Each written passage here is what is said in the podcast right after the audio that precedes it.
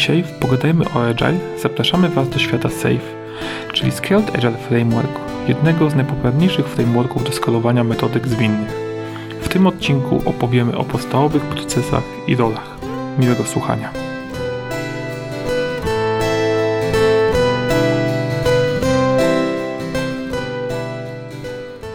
Cześć Piotrze. Cześć, witaj. Będziemy starać teraz regularnie wypuszczać nasze nagrania co około dwa tygodnie. Tak jest. Ale są komentarze na LinkedInach, na Facebookach, ludzie udostępniają, także ktoś tam nas słucha cały czas. Super, jeżeli chociaż dla kilku osób będzie to wartościowe. Tak jak mówiliśmy, zaczynaliśmy od tego, że prowadziliśmy takie rozmowy we dwoje, jeszcze przed COVID-em, często w kuchni. Czasem ktoś przyszedł, dołączył się, rozwijała się z tego większa dyskusja i stąd się wziął pomysł na ten podcast. Fajne czasy. Może wrócą niedługo. Może. No dobra, wracając do naszego dzisiejszego tematu. Ostatnio rozmawialiśmy o skalowaniu, o tym, że czasem jeden zespół nie wystarcza i co wtedy. Od tego czasu miałem kilka rozmów kwalifikacyjnych, ponieważ szukaliśmy nowych Scrum Masterów do mojego zespołu, do mojego pociągu i podczas tych rozmów tak naprawdę nie oczekiwałem znajomości Safe'a. Wiem, że jest to dość niszowa jeszcze metodyka, nie jest tak łatwo znaleźć kogoś na rynku. Jednak interesowało mnie to, czy dane osoby miały doświadczenie, spotkały się z skalowalnością. I wiesz co, jak pytałem wprost, czy kandydaci znają wyzwania związane z skalowalnością, to raczej odpowiadano mi, że w ich firmie nie było to potrzebne, że być może mała skala, nie mieli takich potrzeb. Jednak w dalszym ciągu rozmowy okazywało się, że wyzwania, które, z którymi się spotykali, wyzwania, które, przez, które musieli rozwiązywać, tak naprawdę były związane ze skalowalnością. Mieli kilka zespołów, potrzebowali robić coś, co my nazywamy Scrum of Scrums, czyli pewną organizacyjne spotkania pomiędzy zespołami, choć używali zupełnie innych nazw. Mhm. Myślę więc, że temat jest ciekawy i będzie coraz bardziej aktualny dla wielu osób. Także dzisiaj zrobimy kolejny krok w tym kierunku i powiemy, czym jest SAFE. Tak jest. Może zaznaczmy, że to nie jest jedyna metoda skalowania, bo teraz się skupimy chyba na najbardziej popularnej. O tym mówiliśmy ostatnio. Jak, jak pytamy firmy, jakiego rozwiązania używają, żeby zarządzać tymi licznymi zespołami, no to najczęściej właśnie jest Safe.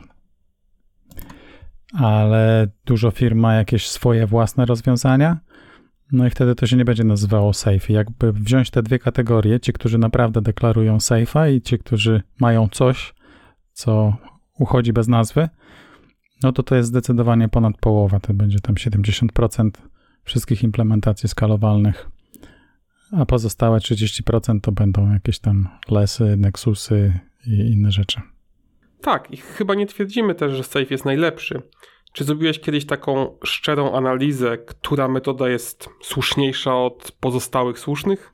Nie, znaczy ja y, podejście empirystyczne y, prosto ze Scrum Guide'a jest mi bliskie.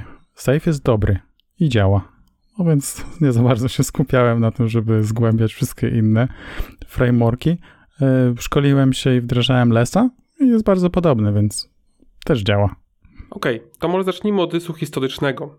Skoncentruję się teraz bardziej na tobie, ponieważ stawiam siebie w roli nowicjusza Safe. Pracuję co prawda z nim już trochę, jednak daleko mi jeszcze jest w moim przekonaniu do jego pełnego zrozumienia i posiadania takiej wiedzy na jego temat, jak, jak ty.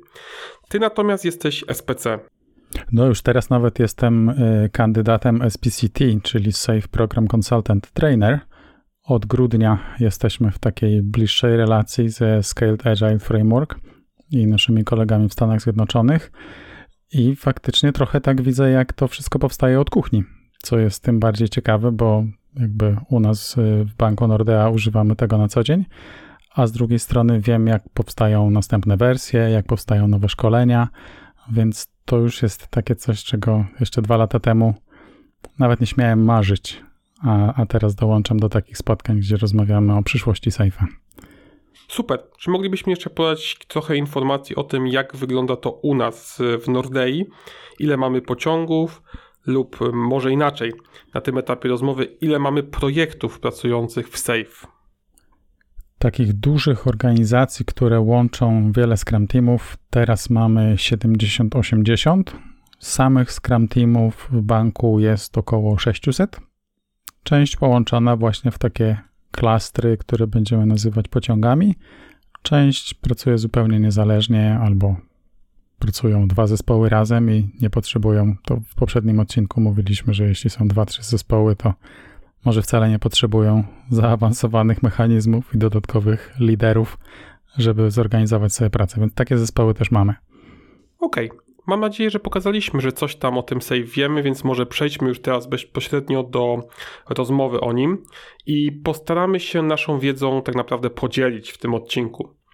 Ostatnio powiedzieliśmy, że zaczynamy od tego, iż mamy pojedynczy zespół, który nie widzi potrzeby współpracy z innymi. Rozwija aplikacje, które nie mają większych powiązań, są samowystarczalnym zespołem niezależnym. Następnym etapem jest sytuacja, w której mamy kilka zespołów, które pracują nad tą samą aplikacją lub z jakiegoś innego powodu potrzebują ze sobą współpracować. Tu zaczyna się pojawiać potrzeba koordynacji prac, uzgodnień i tym podobne.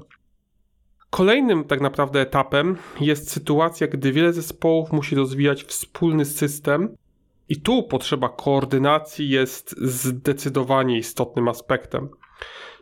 Za tym też idzie konieczność posiadania osób pełniących dedykowane role, odpowiedzialnych za koordynację prac, y, może jakiegoś produkt ownera zbierającego pracę na wyższym poziomie, backlog na wyższym poziomie, być może architekta. I tu pojawia się Safe. Tak jest. No i takie wyzwania to właściwie nic nowego. Y, sam Safe y, powstał z inicjatywy Dina Leffingwella w 2011 roku, czyli Scrum Guide i pierwsze zespoły Scrumowe, czyli 2001 rok i 10 lat później Scrum już stał się na tyle popularny, że coraz większe firmy zaczęły używać zespołów zwinnych.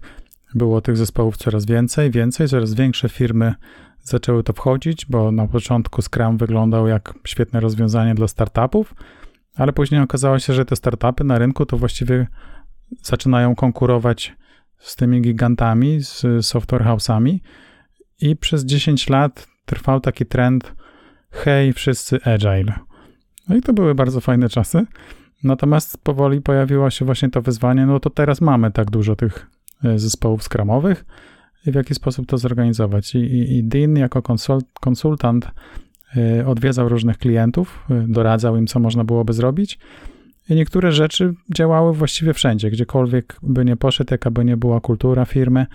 Jeśli Scrum działał, to to skalowanie zaczynało też nabierać jakiegoś sensu. Można było więcej jeszcze uzyskać poprzez te aspekty koordynacji.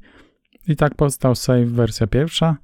Od tego czasu przeszedł tą ewolucję od pierwszej wersji do wersji numer 5. Za każdym razem poprzez dodawanie rzeczy, które działają. To jest jedna z rzeczy, która najbardziej podoba mi się w, w że tam nie ma teoretycznych rozwiązań. No, najpierw są prawdziwe firmy, próby, prototypy.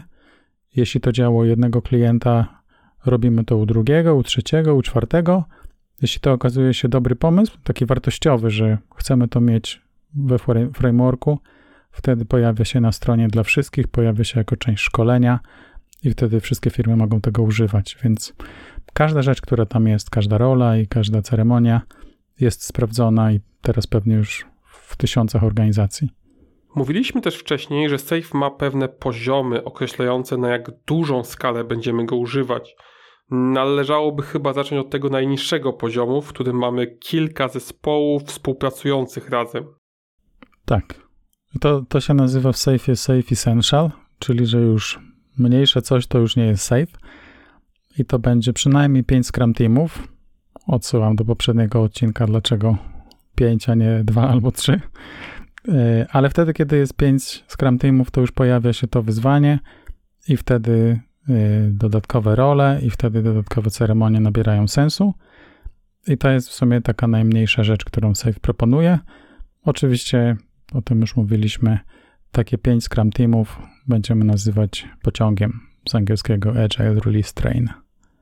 Czy w samym sposobie pracy zespołów skramowych coś się zmienia? I no Scrum jest dalej Scrumem. Ja wtedy, kiedy prowadzę szkolenia dla Scrum Masterów, no to wszystko to, co jest w Scrum Guide dalej jest istotne. Mm, niczego nie odwołujemy. Sprawdzamy też Agile Manifesto, czy dalej ma sens. No I oczywiście ma, również wtedy, kiedy zespoły pracują w większej skali.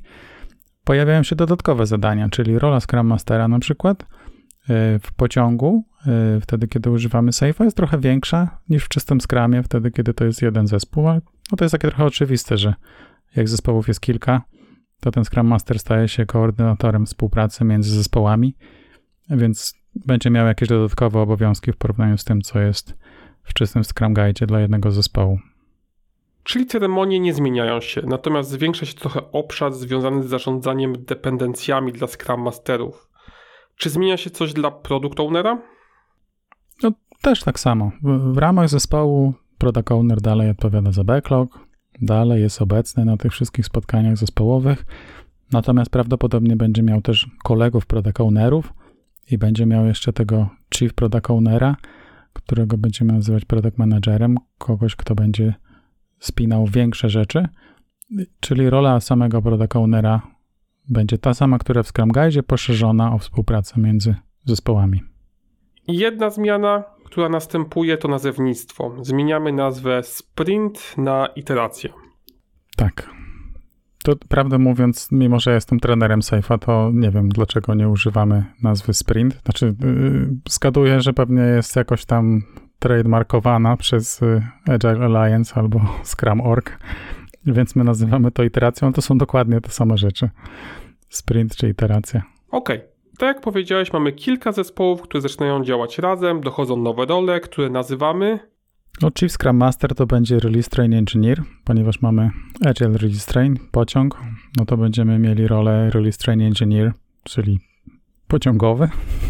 Nie ma polskich tłumaczeń, może dzięki Bogu, bo czasem są dosyć śmieszne. Konduktor. tak jest.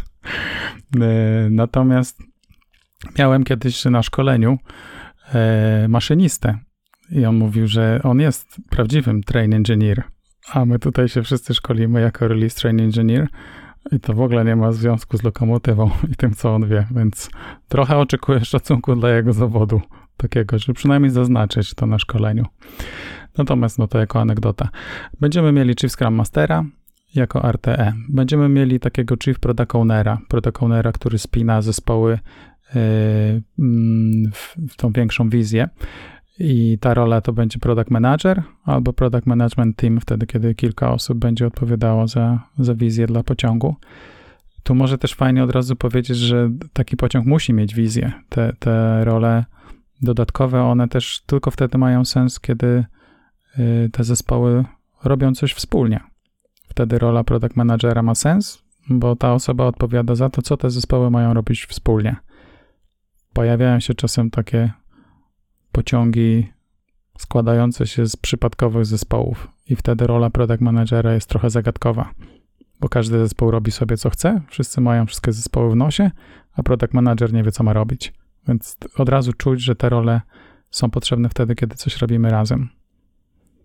No i później pojawia się architekt, tak? To jest ta trzecia rola, yy, której właściwie w czystym skramie nie ma, no bo zespół jest odpowiedzialny za rozwiązanie, a tutaj yy, pojawia się rola architekta jako dopełnienie tej trójki Release Train Engineer, Product Manager i architekt, yy, gdzie architekt odpowiada za tą część technologii, rozwiązań, troszeczkę takiego wyprzedzania myśli, y, jeśli chodzi o to, y, jak będzie wyglądał rozwój systemu, y, po to, żeby pomagać zespołom, nie po to, żeby dyktować warunki zespołom, czyli nie, nie odbieramy tej samodzielności zespołom skramowym, ale chcemy wyprzedzić ich o, o kilka miesięcy w myśleniu, po to, żeby można było część rozwiązań zaplanować, zanim zaczniemy je implementować.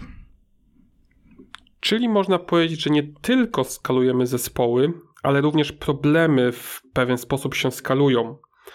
Tak jak powiedziałeś, cały pociąg powinien mieć wspólny cel, wizję i to samo wyzwanie właściwie mamy w zespołach. Ostatnio miałem taką dyskusję z jedną osobą, która chciała do jednego z zespołów w moim pociągu dołożyć UX-a. Pytanie było tak naprawdę, czy to jest właściwe miejsce. Zapytałem więc tą osobę, co ten UX ma wspólnego z moim zespołem, z tym zespołem, do którego chcemy go dołożyć. Oczywistym dla mnie jest, że każdy człowiek musi mieć swoje miejsce, jednak jedyną rzeczą, która łączyła tego eksperta z tym zespołem jest fakt, że tak samo jak ten zespół, będzie on świadczył usługi na rzecz innych zespołów. I tak samo mówisz ty. Nie chodzi o to, aby zebrać ludzi w jedno miejsce, jeden worek, jeden departament, aby hierarchia nam się zgadzała, tylko aby były to zespoły, które będą razem pracować i razem rozwiązywać problemy i współpracować. No i to chyba jest jedna z ważniejszych rzeczy wtedy, kiedy mówimy sobie, że chcemy zbudować pociąg. To po pierwsze sprawdzamy, jakie Scrum Teamy są tam potrzebne, a potem sprawdzamy, do kogo mamy najwięcej zależności, na kogo najczęściej czekamy, jakby kogo najbardziej nam brakuje. I wtedy odwracając takie pytanie, z kim chcielibyśmy być najbliżej, kogo chcielibyśmy mieć na co dzień. I ta osoba powinna być w pociągu. To nie powinna być zależność do kogoś gdzieś, tylko próbujemy zbudować y, taką rodzinną atmosferę, gdzie ci najważniejsi ludzie, ci najbardziej potrzebni są częścią pociągu, a te luźniejsze, mniej istotne, mniej codzienne problemy to mogą być zależności na zewnątrz pociągu. I ma to sens, bo wtedy, kiedy patrzymy na jakieś małe firmy, małe startupy, no to one właśnie w ten sposób działają. Wszyscy znają się, wszyscy się lubią. Jeśli atmosfera w firmie jest fajna, to duże rzeczy można załatwić w taki półformalny sposób i bardzo szybko, nie czekając na spotkania, nie wysyłając stosu maili. I dokładnie to chcemy odwzorować, czyli pociąg jest częścią ogromnej organizacji.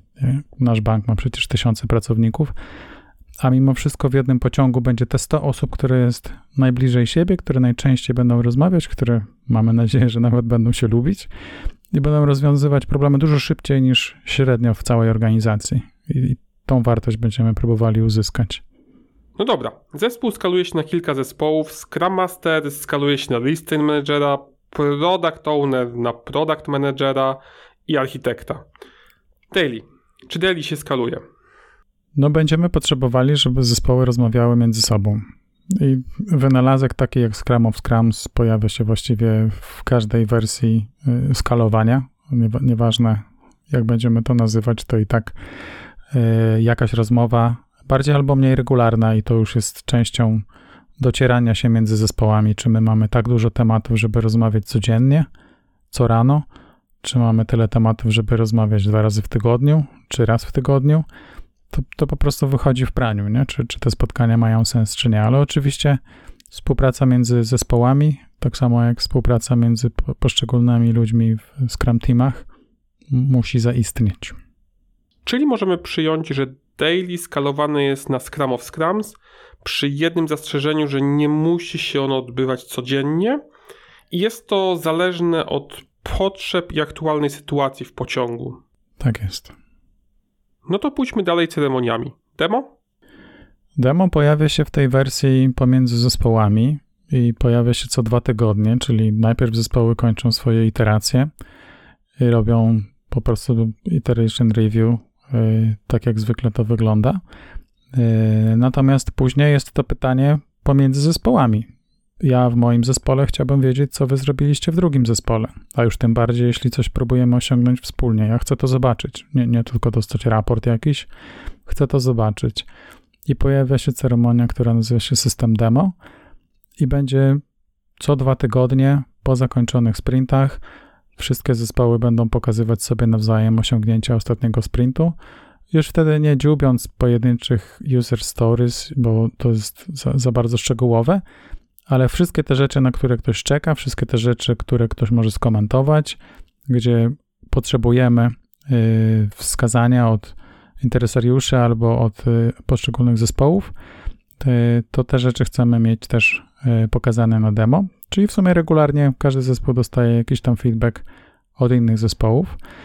To od razu bardzo mocno pokazuje, że w ramach pociągu musi być coś takiego jak kadencja i synchronizacja po pierwsze, będziemy mieć sprinty. Po drugie, te sprinty będą tej samej długości we wszystkich zespołach. A po trzecie, będą się kończyć tego samego dnia, bo tylko wtedy takie demo pomiędzy zespołami ma sens. Ty skończyłeś sprint, ja skończyłem sprint, zróbmy sobie demo nawzajem, pokażemy, co osiągnęliśmy przez ostatnie dwa tygodnie. Więc Safe bardzo mocno naciska na to, że Scrum Teamy w ramach zespołu być może trochę tracą tą pełną swobodę ze Scrum Guide'a, że to może być od dwóch do czterech tygodni. Bo nie może, może być dwa tygodnie albo dwa tygodnie. Jeśli się umówimy, że wszyscy zaczynamy sprint we środę, no to tak się umawiamy. To wszystkie zespoły, nawet jeśli ich jest 10-12, wszystkie będą planowały sprinty tego samego dnia, kończyły tego samego dnia i wtedy będzie system demo pomiędzy zespołami. Czyli Safe z góry narzuca, że iteracja, tudzież sprint, powinien trwać dwa tygodnie. Tak. To jest ciekawe, bo to tak naprawdę jest bardzo mocna rekomendacja. Ciężko powiedzieć, że ktoś coś narzuca w takich zespołach zwinnych, ale przez eksperymenty z różnymi firmami nic innego nie, nie miało jakiegoś sensu. Zawsze są zespoły, które potrzebują tego y, dwutygodniowego okresu i każde inne rozwiązanie by wtedy ich spowolniało. Więc y, no, te dwa tygodnie to jest standard na, na całym świecie. Jeśli skalujemy, to lecimy tym rytmem. To w tym momencie powinniśmy jeszcze powiedzieć o samym sprincie, nazywanym iteracją, która również jest skalowana. Znaczy, będzie coś takiego, y, co jest planowaniem więcej niż pojedynczego sprintu, i faktycznie takich rzeczy nie ma w żadnym Scrum Guide. Y, I Safe wprowadza mm, takie pojęcie program increment, które w sumie dużo mówi, nawet jak y, nie, nie, nie specjalnie się wnika, co tam za tym stoi. Inkrement naszego systemu będzie dostarczany raz na jakiś czas i będzie większą rzeczą. W Safe'ie program increment zdefiniowany jest jako czas e, od 8 do 12 tygodni i tak jak planujemy pojedyncze sprinty, tak samo będziemy planowali program increment. Będzie takie wydarzenie, o którym pewnie zaraz pomówimy trochę więcej, gdzie planujemy 5 sprintów, 6 sprintów do przodu, po to, żeby obiecać sobie jakieś większe cele, aby tą synchronizację pomiędzy zespołami zaplanować na więcej niż tylko dwa tygodnie do przodu. I to jest nowość, to jest właśnie to, co prawdopodobnie jest rozwiązaniem wielu problemów, jakie pojawiają się na etapie skalowania pojedynczych zespołów. Podsumujmy może to, co do tej pory powiedzieliśmy. Mamy zespół skramowy, w którym jedyną zmianą jest zmiana nazwy ze sprint na iterację. Oprócz tego mamy nowe role release train managera, e, przepraszam, release train engineera, produkt managera oraz architekta, którzy pomagają koordynować pracę co najmniej pięciu zespołów. Dodatkowo dochodzi nam program increment, czyli pewna jednostka czasu składająca się z 8 do 12 tygodni, czyli 4 do 6 iteracji. I to można powiedzieć domyka nam pracę zespołu w ramach SAFE. No tak jak jeszcze każdy zespół y, w Scrumie ma retrospektywę, to na koniec tego e, program inkrementu też będziemy mieli taką ceremonię, czyli jeszcze nie mówiliśmy szczegółowo o tym, jak planuje się taki inkrement, ale też jest ceremonia, która go domyka. E, tak jak mamy iteration review w ramach pojedynczego e, zespołu, tak samo taki program inkrement w jakiś sposób trzeba zamknąć a pomiędzy zamknięciem jednego a otwarciem kolejnego pojawia się to okienko na retrospektywę, na usprawnienia, na taką rozmowę, jak nam się pracuje i co chcielibyśmy zmienić. I to już właściwie byłoby wszystko. Myślę, że zanim przejdziemy do planningu, który, jak Safe sam zresztą podkreśla, jest najbardziej istotną i najbardziej wyróżniającą ten framework ceremonią, Warto też dodać, że jest strona scaledageleframework.com, na której wszystkie te rzeczy, o których mówimy, są opisane. Osobiście uważam, że to naprawdę ekstra sprawa, że Safe udostępnia te materiały całkowicie za darmo, można tam wejść, poczytać. No, powiedzmy sobie szczerze, beletystyka to to nie jest, jednak jest tam cała wiedza, rysunki są klikalne, pełno jest odnośników. Tak jest. No to troszeczkę idąc za tą. Yy metodą, w jaki sposób Scrum Guide został zaproponowany. Tu nie trzeba płacić, można go po prostu przeczytać i każdy może robić Scrama i Scrum Guide też ma tą definicję, że przeczytać to jest łatwo, zrobić jest trudniej. I pewnie w Safe jest podobnie. Moja rola jako trenera i coacha sprowadza się do tego, żeby to wszystko, co jest przedstawione na, na stronie Safe'a w, w ramach frameworka, pokazać w praktyce, wytłumaczyć, a za każdym razem, jak wprowadzamy coś nowego, to nie wystarczy wytłumaczyć raz, tylko drugi, trzeci, siódmy, i wtedy dopiero to zaczyna być takim zwykłym nawykiem, e, rzeczą, którą wszyscy traktują jako oczywista. Więc to chyba tutaj pojawia się wyzwanie z wprowadzaniem Safe'a. Czy zanim przejdziemy do omawiania peer planningu, chciałbyś powiedzieć coś o pryncypiach, zasadach? Nie chodzi mi też o to, żebyśmy teraz zgłębiali to nie wiadomo jak mocno, ale może jest coś, o czym warto Twoim zdaniem wspomnieć. Tak. Na szczęście nie zgłębiamy, bo odcinek trwałby dwa dni. Natomiast e, z grubsza biorąc, bardzo z grubsza, e, oczywiście Safe oparty jest bardzo mocno i o wszystko to, co wydarzyło się e, w Toyocie i całe myślenie linowe. I to jest taki jeden z fundamentów Safe'a, tak samo zespołów zwinnych. Upraszczanie, poszukiwanie, gdzie marnujemy czas, gdzie mamy taką stratę, której nie chcemy, co nas spowalnia.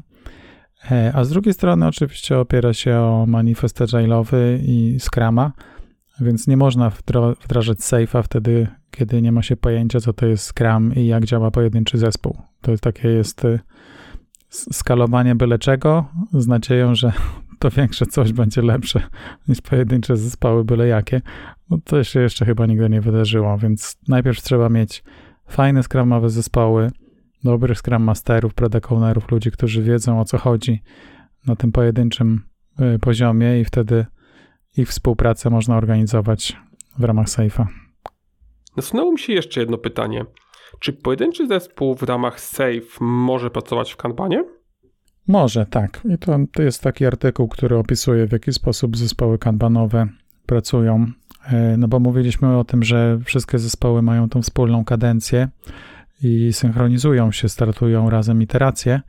E, zespół kanbanowy, y, u mnie to są najczęściej zespoły, które mm, są zespołami wsparcia albo e, incydenty jakieś takie na systemach produkcyjnych, albo wsparcie środowisk testowych, rzeczy, które są nieprzewidywalne i pojawiają się z dnia na dzień.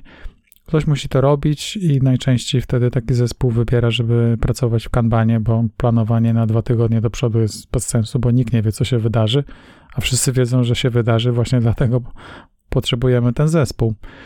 E, taki zespół kanbanowy e, w ramach Safe'a troszeczkę udaje, że też ma sprinty. Nie robi planowania, iteracji, nie, nie robi podsumowań. Natomiast wtedy, kiedy na przykład y, jakiś zespół ma zależność i mówi, czy możecie mi to zrobić w trzecim sprincie, no to zespół kanbanowy mówi, tak, jasne, w trzecim sprincie, czyli to będzie druga połowa maja. I mimo, że trzeciego sprintu wcale nie będzie, no to taki zespół już ma teraz historyjkę, która ma konkretny deadline i będzie zrobiona o czasie zgodnie z obietnicą. Więc y, z jednej strony iteracji nie ma, z drugiej strony wszyscy o nich mówią i taki zespół kanbanowy też troszeczkę musi dopasować się y, do tej takiej, nie wiem, zasady, że, że sprinty przynajmniej w nazewnictwie się pojawią. Okej, okay. no to przejdźmy teraz do tego słonia w pokoju. Wydarzenia, które wielu spędza sens powiek. To nie jest słoń, to jest panna młoda. To jest najpiękniejsza rzecz w ogóle w całym sejfie chciałem powiedzieć, wydarzenia, które spędza sens powiek RTE, którzy muszą tak naprawdę całe to wydarzenie przygotować wraz ze Scrum Masterami, jak również product management grup, product managera, którzy powinni przygotować content na, na planning. Tak jest. No, jedna z fajniejszych rzeczy to, że spędzamy razem dwa dni. Co to znaczy e... razem?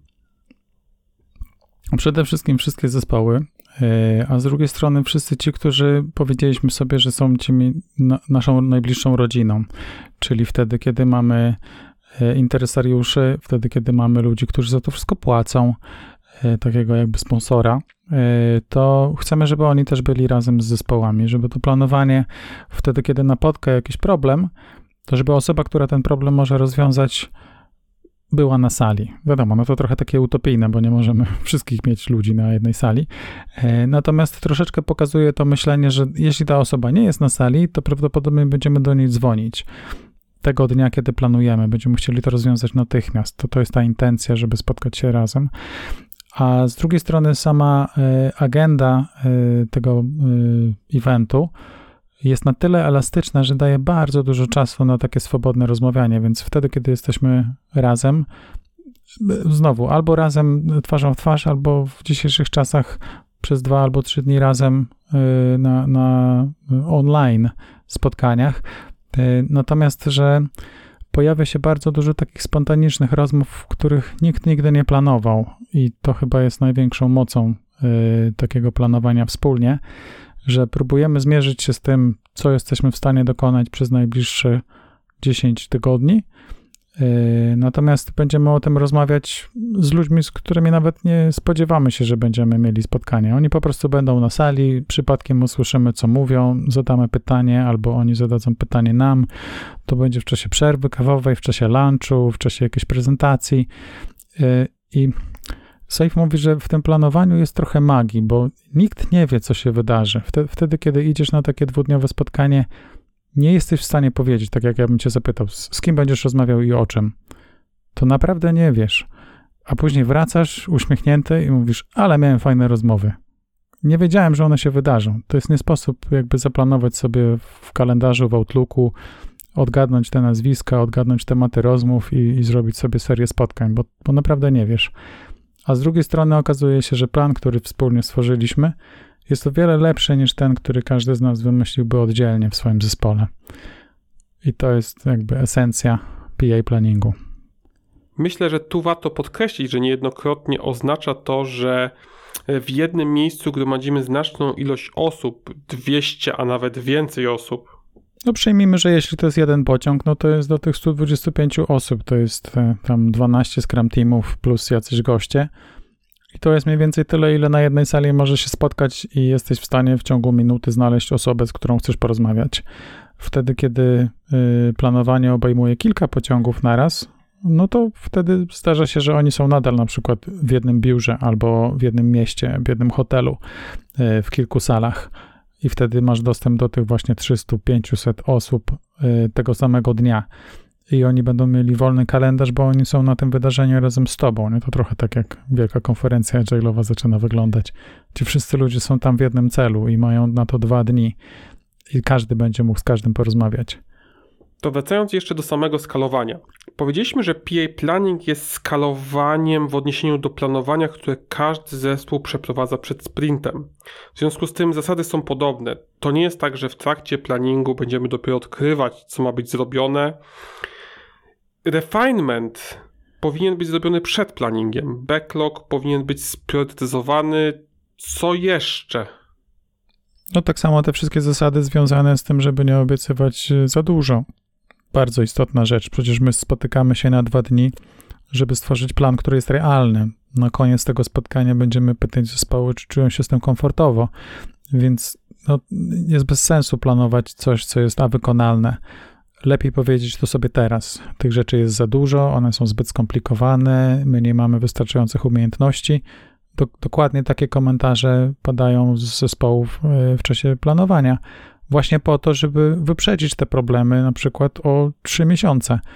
Bo jeśli coś jest niewykonalne, to, no, to będzie niewykonalne. Trzy miesiące później okaże się, że zostało niewykonane, a my chcemy to usłyszeć z wyprzedzeniem. My chcemy mieć plan, który będzie można zrobić i w dodatku jeszcze Y, który gwarantuje utrzymanie motywacji w zespołach, wszystkie te wartości, które y, ma Scrum, one nadal są istotne. My nie chcemy y, wyciąć sobie zespołów w pień, dlatego że wszyscy są zmuszeni do jakiejś heroicznej pracy i po trzech miesiącach połowa ludzi ze Scrum Teamu powie dziękuję bardzo, ja sobie znajdę jakiś inny, spokojniejszy team albo inny, spokojniejszą, inną, spokojniejszą firmę. Chcemy, żeby to było realne.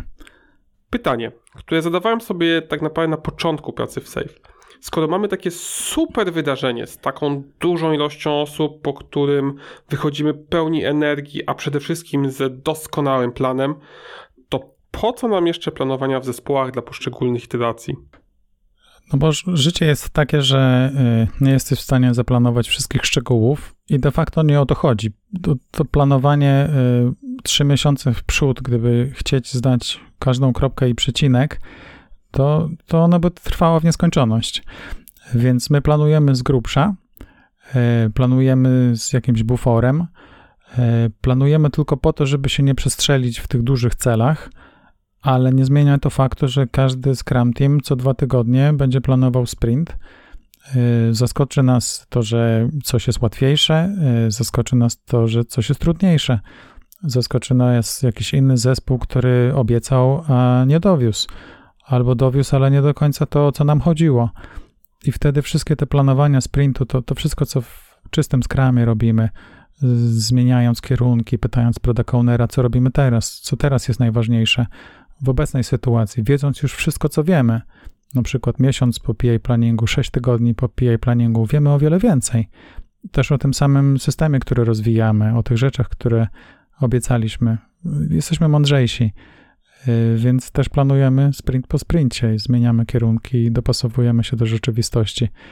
Natomiast planowanie tych trzech miesięcy do przodu daje bardzo dużo y, tym wszystkim dyrektorom, wszystkim tym, którzy znają strategię firmy, którzy oczekują właśnie tych większych rzeczy niż tylko dwu, dwutygodniowych obietnic na planowaniu pojedynczego sprintu, bo dzięki temu oni mogą snuć plany, mogą układać budżety, Y, mogą obiecywać też, brać jakieś zobowiązanie, jeśli chodzi o rzeczy, które jesteśmy w stanie dowieść. Y, a to są bardzo dobre pytania, co jesteśmy w stanie zrobić przed wakacjami, co jesteśmy w stanie zrobić przed Bożym Narodzeniem. To jest dużo więcej niż jeden sprint, a mimo wszystko jest dobrym pytaniem biznesowym i trzeba też umieć na nie odpowiedzieć. Myślę, że tu możemy zakończyć wprowadzenie do SAFE. Czy jest coś jeszcze, co chciałbyś na koniec dodać? Nie, no myślę, że to podejście takie że Safe'a dosyć łatwo się tłumaczy, że, że on jest podparty bardzo dobrą serią szkoleń, że ma bardzo fajną stronę.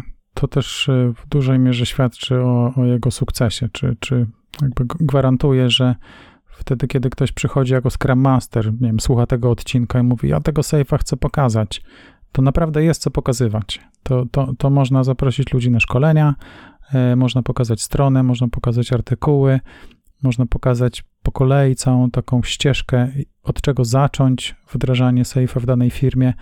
To jest świetnie przygotowane. Pewnie też marketingowo, ale merytorycznie to jest bardzo dobry framework. Taki już dopięty, sprawdzony w wielu firmach, więc no, trochę wyszła taka reklama na koniec.